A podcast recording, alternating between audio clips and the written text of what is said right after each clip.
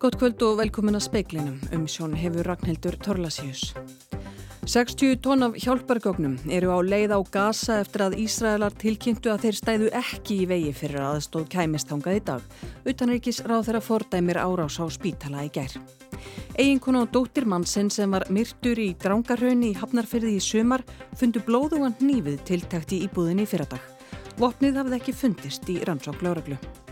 Stíplueiði var kastað á drenga á skólalóði Reykjavík á sunnudag en er óvist hvort stúlkan sem fekk stíplueiði í andlitið í fyrra kvöld hlýtur varanlega skada. Profesor við Lagatilt Háskóli Íslands telur að ramma áallun sé hugsanlega komin á endastöð. Sambærlegt fyrirkomulag hafi verið aflagt í Nóri árið 2016. Og Robert Kennedy yngri gæti sett streki í reikningin fyrir Donald Trump í bandarísku fósettakostningunum á næsta ári. Teimi herrlækna á 60 tonn af hjálpargögnum eru á leiðin á Gaza. Ísraelar stóðu ekki í vegi fyrir að stóð bærist inn á svæðið í dag. Nýr utanrikisráð þeirra fordæmir árásina. Bílalest með 60 tonn af hjálpargögnum er lögð á stað til Gaza. Þetta segir alþjóðaröðukrossin í tilkynningu. Teimi herrlækna er einning með í för. Ísraelar sögðu í dag að þeir ætluði ekki að standa í vegi fyrir að aðstóðbæristinn á svæðið frá Egiptalandi. Landamæri Ísraels og Gaza eru áframlokuð þar til Ísraelum sem Hamaslegar hafa í gíslingu verður sleft. Bandaríkinn beittu neitunnavaldi í öryggisráði samnöðu þjóðana í dag sem var til þess að engar álíktanir um stríð Ísrael og Hamas voru samþygtar. Fulltrú Brasilíu kallaði eftir vopnalli og að íbúar á Gaza fengju tækifæri til að flýja. Bjarni Bendiktsson, nýri utanríkisarðra, hefur fordæmt árás á spítala sem gerð var í gær. Hvort sem hún hafi verið viljandi eða ekki. Ísland fordæmi alla framkomu þar sem almennir borgarar eru í skotlínunni. Á þessum tíumpunkti er aðalatrið að það sé reynd að draga úr spennunni og koma þannig í vekk fyrir að almennir borgarar tabi lífi eða, eða útlimum jafnvel. Saði Bjarni Benediktsson, Ingi Björg Sara Guðmundsdóttir tók saman. Gnífur fannst í íbúð í Drangarhaunni í Hafnafyrði í fyrradag þar sem maður var stungin til bána í júni. Gnífurinn er líklega morðvopnið en það fannst ekki við vettvansrannsókn lögreglu og sínum tíma. Verjandi ákjærða segir þetta var skandal og dómsmálið í uppnámi. Jaroslav Kaminski var stungið til bana í drangarhaunni í Hafnarfyrði á þjóðatíjardaginn. Meðlegandi hans, Maciek Talik, er ákerður fyrir morðið. Hann hefur neitað sök og borðið fyrir sig sjálfsvörn. Fyrfirandi eiginkona og 19 ára dóttir Jaroslav fundu blóðugan nýfi í íbúðin í fyrradag þegar þær voru að taka saman eigur hans. Nýfurinn er að öllum líkindum vopnið sem var Jaroslav að bana. Próf sem gerð voru á nýpnum í gær gefur til kynna að á honum sé blóður manni. Síni hafa verið sendt til Svíþjóðar á óskað eftir flíti meðferð að sögn Dagmar Ösp Viesteinstóttur saksóknara. Elimar Haugsson, verjandi Matsek, segir þetta vera skandal og vinnubröðlauruglu sem ekki hafi fundið nývin ámælisverð. Ákjærið hann hefur gaggrínt mjög vettvansar lauruglu og ég hef áður gaggrínt það að það var ekki frangat svo blóðferðlagreining á vettvangi líkt og hefur gert í fjölmörgum eða ekki öllum mandrápsmálum hér á Íslandi síðastliðin ár og slíka rannsóknir hafa þetta geta bætt gríðarlega miklu við um, og í að upplýsa málsatvik í slíku málu. Það var eins og það er ekki gert og það verður ekki verið útskýrt með fullnægandi hætti af starfsmönnum teknitildar sem er komið fyrir dómin af hverju það var ekki gert. Og nú bætist það við að það kemur í ljós að vettvánsrannsók lauruglu, það er að segja vettvánsrannsók teknitildar, hún var ekki betur en svo að nýfurinn hann fannst ekki þrátt fyrir að hafa verið hann inn á vettvangi og þegar þetta er saman dreyið þá er bara eitt um það að segja og það er algjör skandal. Saknsóknari segir óljóst hvaða áhrif þetta hafi á málið en aðalmeðferð lauki í síðustu viku. Elimar segir málið í algjöru uppnámi. Aðalmeðferðin er náttúrulega búinn, það er búið að domtaka málið og, og það er í ákveðinu uppnámi, það er ekki alveg ljóst hvað áhrif þetta hefur en það er alveg ljóst að það þarf að leggja þannig fram gögn, frekar í gögn um þetta, DNA rannsókn, einhverju munaskíslu, það þarf að leiða vittni um, um þessa DNA rannsókn og annað, þannig að sko, aðalmeðferð sem máls er í algjöru uppnámi að mínum mati. Saði Elimar Haugsson, örður örlikstóttir talaði við hann. Ekki er hann ljóst hvort stúlkan sem fekk stíplueiði í andlitið á skólalóð breyðagerðiskóla í fyrra kvöld hlítur varanlegan skada. Hún er komin í fóreldrahús eftir að hafa verið á bráðadeilt fram eftir nóttu. Atveikið í fyrra kvöld er ekki einstæmi. Á sunnudag var stíplueiði kastað á bak tíóradrengs sem var í fótbolta á lóð skólans. Þegar heim var komið áttuðu fóreldrar hans segja á alvarleika málsins og fóru með drengin á bráðamóttöku. Þar var þeim sagt að drengurinn hefði verið heppin að ekki fór verð. Ekki er ljóst hvort sumu gerendur voru að verki. Stjórnendur breyðagerri skóla segja í tölvuposti til fóreldra að málið sé flókið og viðkvæmt og byggja um varkárni og nærgætni í umfjöllunum málið. Þá bendir skólinn fóreldrum á mikilvægi þess að vera vakandi yfir netnótkun barna sína og veita þeim nöðsynlegt aðhald. Viðbröð stjórnenda verslanakeðja í dag voru að fjarlæga hættuleg eiturefni og koma þeim fyrir á örugari stað. Ef stjórnveldum er alvara með orkuskiptum þarf að innfalda regluverk, segir profesor í umhverfis og öðlendarétti við Háskóla Íslands. Núverandi kerfi sé þungt í vöfum og hugsanlega þurfi að hætta að styðjast við rammaáallun. Á lagadegi lögmannafélags Íslands var förstu dæn var fjallað um lagalegar áskorunir orkuskipta á Íslandi og hvort lögjöf hamlaði hröðum orkuskiptum. Meðal ræðumanna var aðalheiður Jóhansdóttir, profesor við lagadeild Háskóla Íslands. Hún setur spurningamerki við hvort rétt sé að styðjast við rammaáallun. Framkvæmdin og það að halda áfram að, að meta framkvæmdir, virkinar framkvæmdir, samkvæmt lögunum um rammaáallun. Ég spyr með því hvort að þetta sé kannski komið endastöð. Hún bendir á að normenn sem hafi haft sambarilegt fyrirkomulag hafi lagt það af árið 2016. Það hefur sínt sig hjá okkur að, að rammaáallun er mjög pólitist viðkantæki. Aðalhauðu telur hugsanlegt að hægt sé að ná sömu markmiðum með breytingum og lögum, til dæmis að sá sem fyrir framkvæmdum fer sæki aðeins um eitt leifi. Saði Benedikt Sigursson og hann rætti við aðalheiði Jóhannsdóttur. Ringborð Norðauðslóðana, Arctic Circle, hefst í hörpu á morgun. Yfir 2000 þáttakendur hafa búið að komu sína frá næri 70 löndum Ólafur Ragnar Grímsson, stopnandi Ringborsin, segir miklar vonir bundnar við loftslagsraðstefnu saminuðu þjóðuna COP28 sem haldið merður í saminuðu arabísku fyrstadæmanum í lok november. Þar gefist síðasta tækifærið til að ná saman um loftslagsvána. Þess vegna skipti höfuðmáli að hans mati fyrir SES Íslands að fórustu sveit þessa loftslagsþings taki þátt í ringborðinu en fórseti þingsins mætir. Það eru svo að segja mjög mikla vonir bundnar við það hvort það rætast það er svo önnur saga. En margir hafa sagt það er búið að halda 27 svona loftasing, þetta er nummer 28 í rauðinni. Kanski var Parísar fundurinn sá einu sem skilaði verulegum árangri. Ef að þessi fundur, þetta þing, í loka ásins, skilar ekki árangri, þá óttast ég að veröldin missi trúna uh, á þetta ferli. Þetta sé kannski svona síðasta tækifærið til þess að ná veröldinni saman um þetta mikla vandamál saði Ólafur Ragnar Grímsson, Jóhanna Vítis Hjaldadóttir talaði við hann. Nú áframverður fjalluðum loftslagsmál síður í speklinum og áhrif, áhrif loftslagsbreytinga á Íslandst samfélag og atvinnulíf. Fórsetaframbjóðandin Robert F. Kennedy, yngri, mæltist með 16% af fylgi og virðist ætlað að taka meira til sín frá Donald Trump en Joe Biden. Í nýri skoðanakönnun vestra er Biden með örugt forskot á Trump og Kennedy. Kennedy er ættarlaugur hinnar frægu Kennedy fjölskyldu og sonur Roberts F. Kennedy heitins. Hann er umdeildur í meira lægi meðal annars fyrir afstöðu sína til bólusetningar við COVID-19. Kennedy ætlaði að bjóða sig fram í forvali demokrata en í síðustu viku tilkynnti hann hins vegar að hann ætlaði að bjóða sig fram utan flokka. Ekki var ljóst í upphafi hvort hann myndi högva skarði í fylgi Bidens eða Trumps sem eru líklegastir til að vera frambjóðundur demokrata og republikana. Í nýri könnun Marist háskóla í bandaríkjunum skýrist myndin nokkuð. Kennedy mælist með 16% af fylgi, Biden með 44% og Trump einungis 37%. Ef þáttakendur voru beðnir um að velja á milli Bidens og Trumps eingöngu er munurinn munminni þar sem Biden mælist með 49% gegn 46% hjá Trump. Kosið veður í bandaríkjunum í nógumber á næsta ári. Sagði Þorgils Jónsson. Og hér kemur aðtöðarsemt frá viðfræðingi, það verður hvers suð austanátt í nóttu og morgun og vegfærandur suð vestan til. Ættu að hafa í huga að snarpar við vindkviður geta komið meðal annars undir Hafnarfjalli, á utanverðu Kjalarnesi og í Kvalferði og einnig undir Eyjafjöllum og á norðanverðu Snæfellsnesi.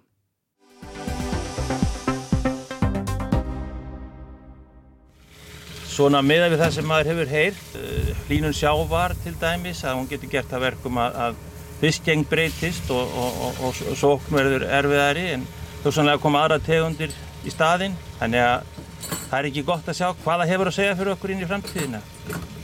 Myndur þú segja að hafa verið einhverjar áhyggjur? Að sjálfsögðu velti maður því fyrir sig hvort að þetta sé, hvort að svona, svona útgerð geti gengið eftir 10-20 ár.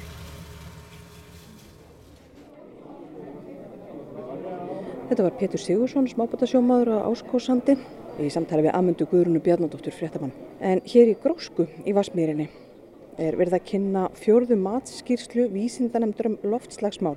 Já, enn einn skýrslan, en þessi stendur okkur nærri. Hún fjallar um íslenskan veruleika, hún er unnin af íslenskum vísindamönnum til að meta áhrifin á Íslandi. Kanna hvað er vitað um loftslagsbreytingarnar hér og hver áhrifin verða af þeim og hvar sé óvisa og hvað verður að rannsaka betur. Og eins og segir í samantektinni Þá staðfestis þessi skísla, svo ekki sem vilst, að loftslagsbreytingarnar séu byrjaðar að breyta náttúrufæri og lífskilurðum fólks á Íslandi með vaksandi áskorunum fyrir efnahag, samfélag og náttúru. Og það þurfi að ráðast í umbyltingu á lífsháttum og umgengni við náttúruna. En ég eh, fekk hann Haldur Björnsson á viðstofinni sem leiðir hópin til þess að ræða við mig í róanæði.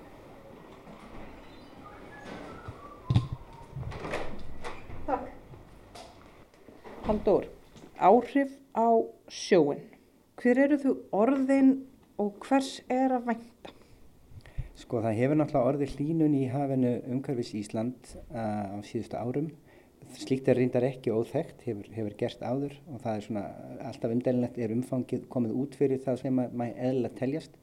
En við þessu bregst síðan lífrikið og það er þannig að tegundir sem eru kaldsjávategundir það er þá hörfa en aðra tegundir það er auka útbreyslusvæði sitt og það er kannski það svona stærsta sem menn sjá í þessu, það eru þessar hliðranir. Eru einhverja tegundir þegar farnar og einhverja sem þið sjáu fram á að muni fara? Klassíska er náttúrulega með makríl og loðnu. Loðna er svona dæmigerður kaldsjávarfiskur sem að hörvar meðan að makríl er hlýsjávartegund sem að í sumum árum hefur komið hingað og hún hefur gert það meira þegar er heitur sjórin þannig að það er svona gott dæmi. En síðan erum við auðvitað með fleiri dæmi. Við erum með hvernig Ísa hefur breyðst út kringum landið. Og svo eru aðra svona ágengar tegundir sem eru að koma inn eins og bara grjótkrabbi uh, hnúðlags og fleiri tegundir sem að koma inn og eru kannski ekki hluti af svona okkur helstu nýttjastofnum en, en, en eru að koma inn í kerfið og geta ímynd valdið usla eða, eða allavega verið eins og hnúðlagsin er hérna ekki fiskur sem að kannski menn eru mjög glæðir að veiða í ám segir Haldur Björnsson. Hann er loftslagsfræðingur og formadur vísindanemdar um loftslagsbreytingar þeirra sem skrifa skýsluna. En allur almenningur getur fólk séð fyrir sér hvernig loftslagsbreytingar eiga eftir að hafa áhrif á líf þess og þeirra. Ég kíkti í verslunarkjarnan Suðurver í Reykjavík að ræða við fólk á förnum vegi og rakst þar meðal annars á Tristan Dara Stefánsson, 13 ára, sem var á röldi þar með ömmu sinni. Já. Já. Já. Hva, hefur þú eitthvað veldi fyrir þér hvort að loftslagsbreytingar eigi eftir að hafa áhrif á þig og fjölskylduna þína og fólki þitt svona í framtíðinni? Eða núna? Uh, ekki alveg núna en örgla eftir 100 ár. Veistu eitthvað hvernig? Örgla át að ég var að lesa um að Suðupól, Suðupólinn myndi bráðuna og sjávarmáli myndi hækka og svona eins og London og allt myndi sökka niður. Mm -hmm. Heldur það að gerist eitthvað hérna á Íslandi? Já, já, öruglega, já. Sjávarstaðan, hún kemur til með að breytast? Já, sjávarstaða breytist og við höfum tekið það saman fyrir staði kringumlandið og þá fáum við sko sjávarstöða hækkun svona miða við lokaldarnar en við að tala um svona allt að sko kannski einu meter á, á sömum svæðum og svo eru þau svæðar sem land rís hraðast eins og við suðaustu strand Íslands. Þar mun sjáast að hreinlega falla. Við talum stað eins og höfn í hodnafyrði og, og, fleiri. Má gera ráð fyrir að einhver svæði, einhver þorp eða bæir á Íslandi verði mögulega óbyggileg? Nei, í sjálf og sér ekki, en hérna það má samt sko hafa það í huga, það eru svæði á þessum eirum sérstaklega eh, þessum við höfum byggt upp við um landið og, og reynda líka á hérna Altanissi þar sem að eru svæði sem eru viðkvæm fyrir sjáarstöðubreytingum og það má taka bara dæmi sko byggðir sem eru kannski 100 ára gamlar búin að vera á einhverju eiginni mjög lengi og sko, hættan er ekki svo að þetta hús fari í kafið eitthvað heldur það einfallega að það verður það tíð tjónin á þeim að menn kjósa hreinlega að, að flytja þau. Og að menn flytji þá bara kannski eina heila götu eitthvað. En það erum við þá að tala um eitthvað sem menn fara út í á næstu öld eða í lók þessar aldar. Þannig að það er ekki eitthvað sem er kannski bara áleikur á en það er mjög mikilvægt að skipla sig yfirvöld hafið allt þetta í huga svo við séum ekki skipulegja okkur í einhvert öngstræti í framtíðinni.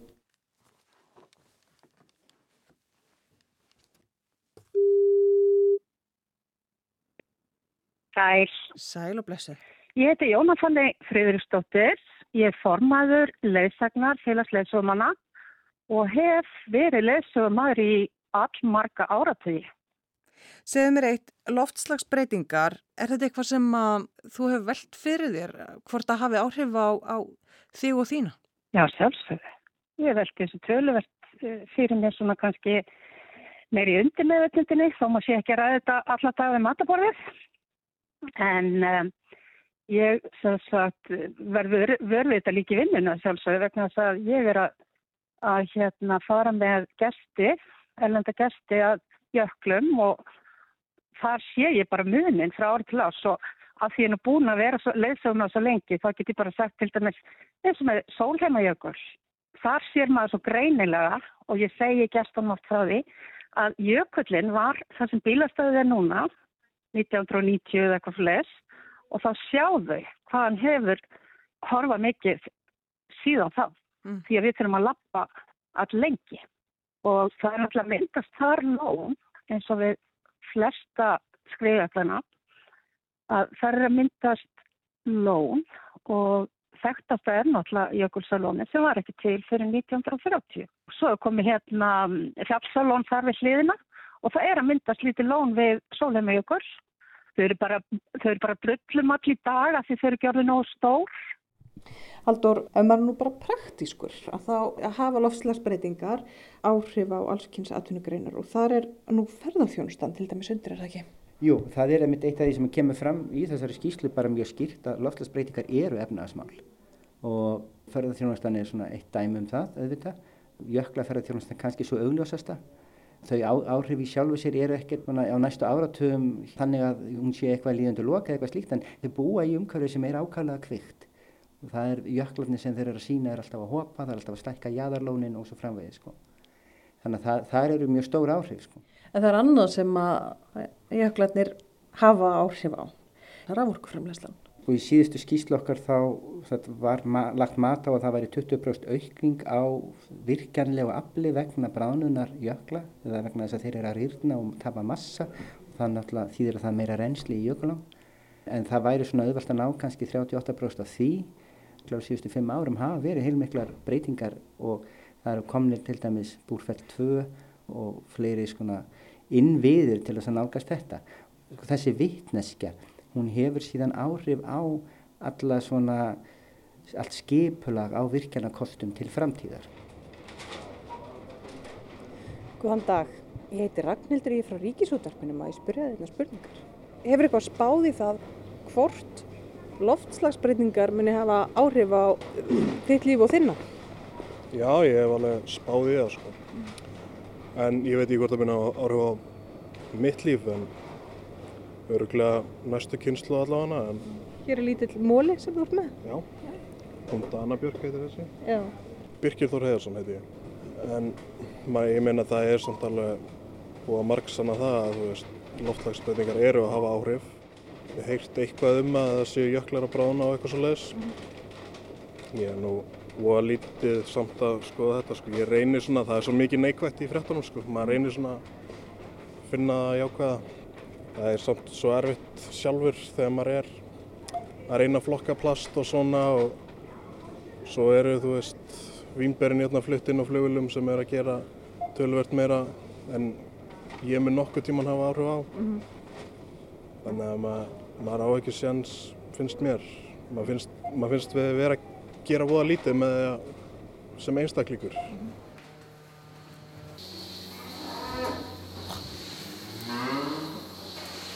landbúnaður er augljóslega bara byggir á loslægi. Uh, við þurfum hitt á sólóregningu og til þess að geta stunda landbúnað, hvort sem það er gardirkja eða, eða hérna, uh, mjölkuframisla eða kjöttframisla. Ég heiti Herman Ingi Gunnarsson og er bondi, kúabondi í Klauf, er með kúabú hérna og, og kortrækt. Þannig að losslag skiptir okkur mjög miklu máli. Uh, Lofslagsbreytingar, uh, það eru áskoranir í því en það eru líka mikil tækifæri uh, fyrir okkur sem búa hérna nor á norrlæðum slóðum. Og, og það er til dæmis talað um að Skandinavíu og Norðurlandi verði til dæmis bara matakista Evrópu í framtíðinni því að ræktunarskilir í hér munu stór batna með hlínandi lofslægi. Ef við tökum það einmitt aðeins meira á dýftina, sko, hvað sérðu fyrir þér að muni breytast um, með frá þessum loftlagsbreytingum í þínum búskap, það bæði sem uh, kúabóndi og kornbóndi? Sko, það er náttúrulega svona það sem að finna fyrir núna, seinustu árum er að, að svona þetta tímabil það sem er ekki vetur, það er að lengjast. Við getum byrja fyrir á vorin að, að setja niður korn og, og vinna flögin og, og við getum unni lengur á haustin í að koma að skýta á túnin og, og þreskja og slá. Þannig að það er svona helsta breytingin og tækifærið sem við sjáum. Við erum með lengra ræktunar tímabil rauninni. Við getum þar alveg rækta kannski aðra tegundir sem við höfum ekki verið að nota uh, fyrir kannski 20 árum síðan af því að það er þurfa lengi, lengri vakstatíma uh, og við finnum alveg fyrir því að, að það er auðveldar að rækta suma, suma plöntur núna en, en var kannski fyrir 15-20 árum síðan.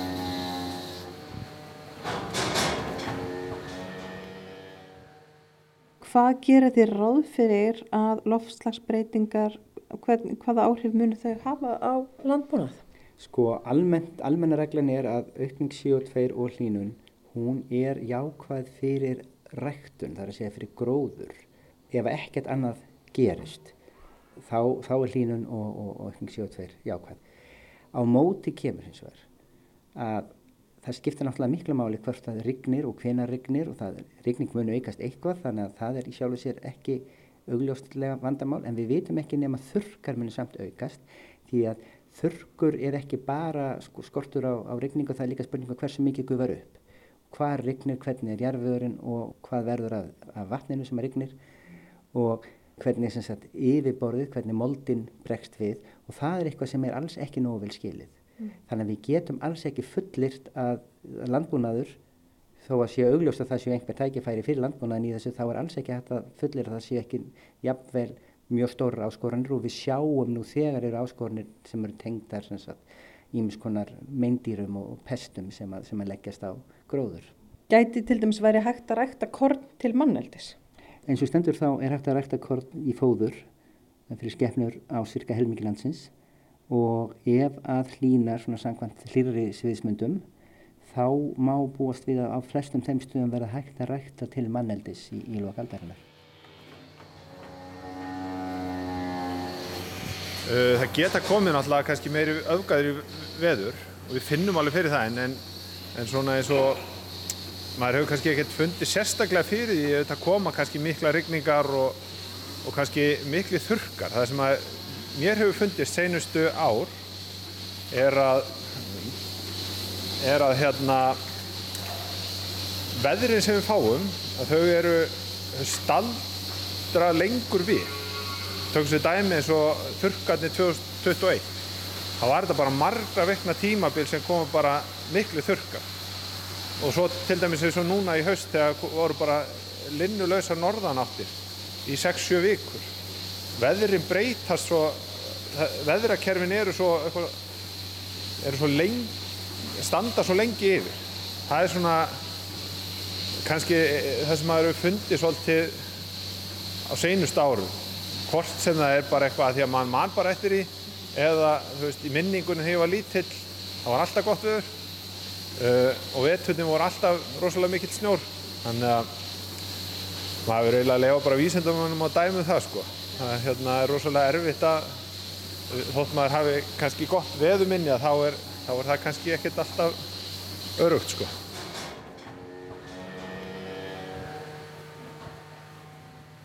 Þetta er stór og viðamikil skýrsla og manni finnst alltaf vera að koma út loftslagsskýrslur og aðgerðar á allinir og allskynns plögg. Hvað verðum við að gera núna? Það er náttúrulega auðljóst málað hérna fyrir okkur og, og heiminn í heilsinni þá skiptir rosalega miklu máli að það að draga úr losum gróðrúsaloftegunda eins rætt og und er. Allt annað verður svo miklu auðveldra ef við gerum það.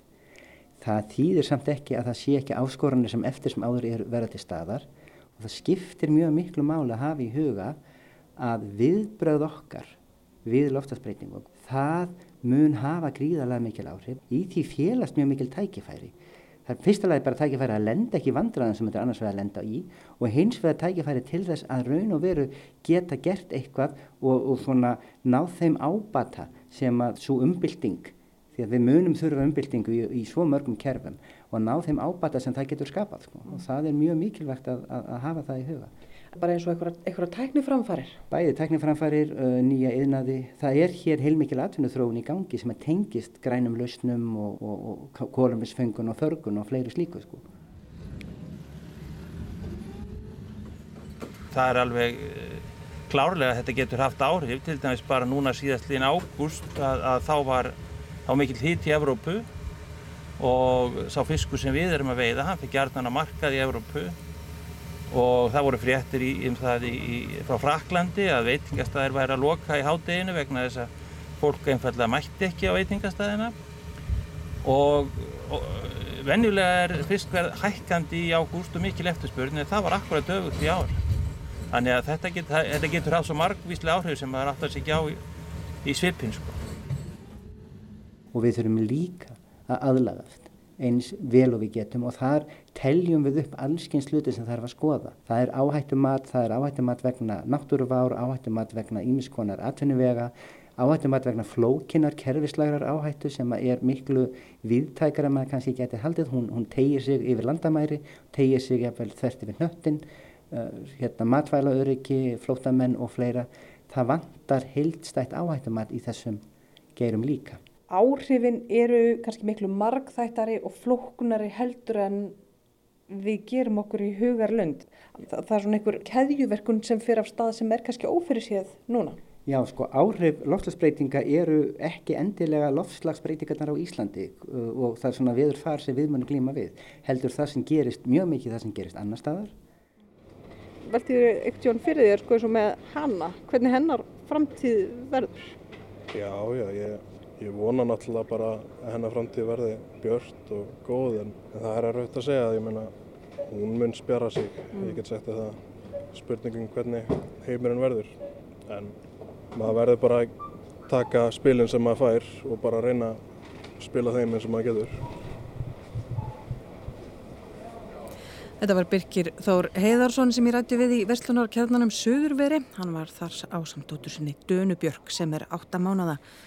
Áður heyrðu við í Pétri Sigursinni framkvæmdastjóra smábáta útgerðarinnar Sólrúnar á Áskósandi. Ég rætti líka við Haldur Björnsson, loftslagsfræðing, Tristandara Stefánsson, grunnskólanema, Jónu Fannægu Fredriksdóttur, leðsugumann og Herman Inga Gunnarsson, kúabónda.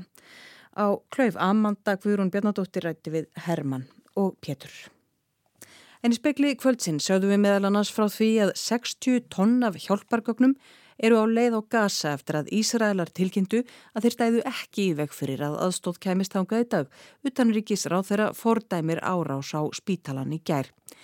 Egin kona og dóttir mannsinn sem að var myrtur í drángarhraunni í Hafnarfyrði í sumar fundu blóðugan hníf við tiltækt í íbúðinni í fyrradag.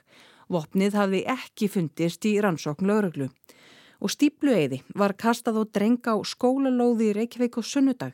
En er óvist hvort stúlkan sem fekk stíplueiði í andlitið í fyrrakvöld hlítur varanlegan skada.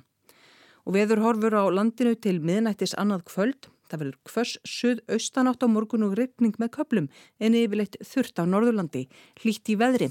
Og veðurfræðingur bendir, veg, bendir vegfærendum suð-vestanlands um, á að komið geta snarpar vindkviður meðal annars undir Hafnarfjalli á utanverðu Kjalarnissi og í Kvalferði og einnig reyndar líka undir Eyjafjöllum og á norðanverðu Snæfellsnissi. En fleira var ekki í speklinum í kvöld, tæknimaður var Mark Eldred, Annalísa Hermannsdóttir stjórnaði fréttautsendingu, hægt er að lusta á speilin í spilararúf og helstu hlaðvarpsveitum. Verðið sæl.